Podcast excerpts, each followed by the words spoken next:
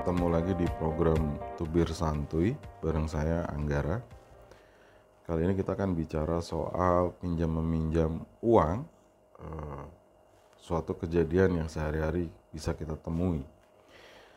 Saya tertarik membahas ini karena kemarin sempat ada kawan saya yang sedikit curhat sama saya soal pinjam meminjam uang ini.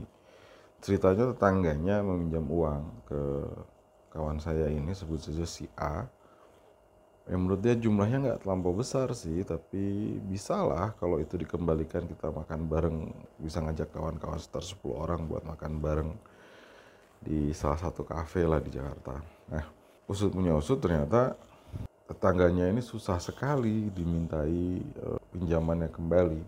Ini sesuatu yang sering ya saya dengar di media sosial juga saya sering dengar bahwa kalau minjem baik tapi giliran mengembalikan uang tuh rasanya susah sekali.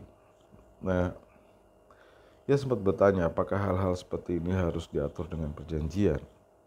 Saya menjawabnya sih sederhana sebetulnya bisa iya bisa tidak bergantung sama kebutuhan kalau misalnya orangnya resikonya uh, kecil ya bisa juga nggak perlu juga dengan uh, perjanjian atau kalaupun misalnya perlu dengan perjanjian cukup dengan uh, perjanjian sederhana seperti memo sederhana yang menyatakan bahwa ada peminjaman sejumlah uang sebesar sekian rupiah yang akan dibayar kembali tanggal berapa. Jadi nggak perlu juga perjanjian yang terlalu rumit. Tapi sebelum kita meminjamkan kan memang sebaiknya dibuat semacam analisis risiko sedikit lah. Apakah orang itu bisa melakukan pembayaran kembali atau justru tidak bisa. Nah, ini juga untuk membantu kita memutuskan apakah lebih baik tetangga tersebut atau siapa pun yang itu yang meminjam uang kepada kita perlu diberikan pinjaman atau sekedar bantuan.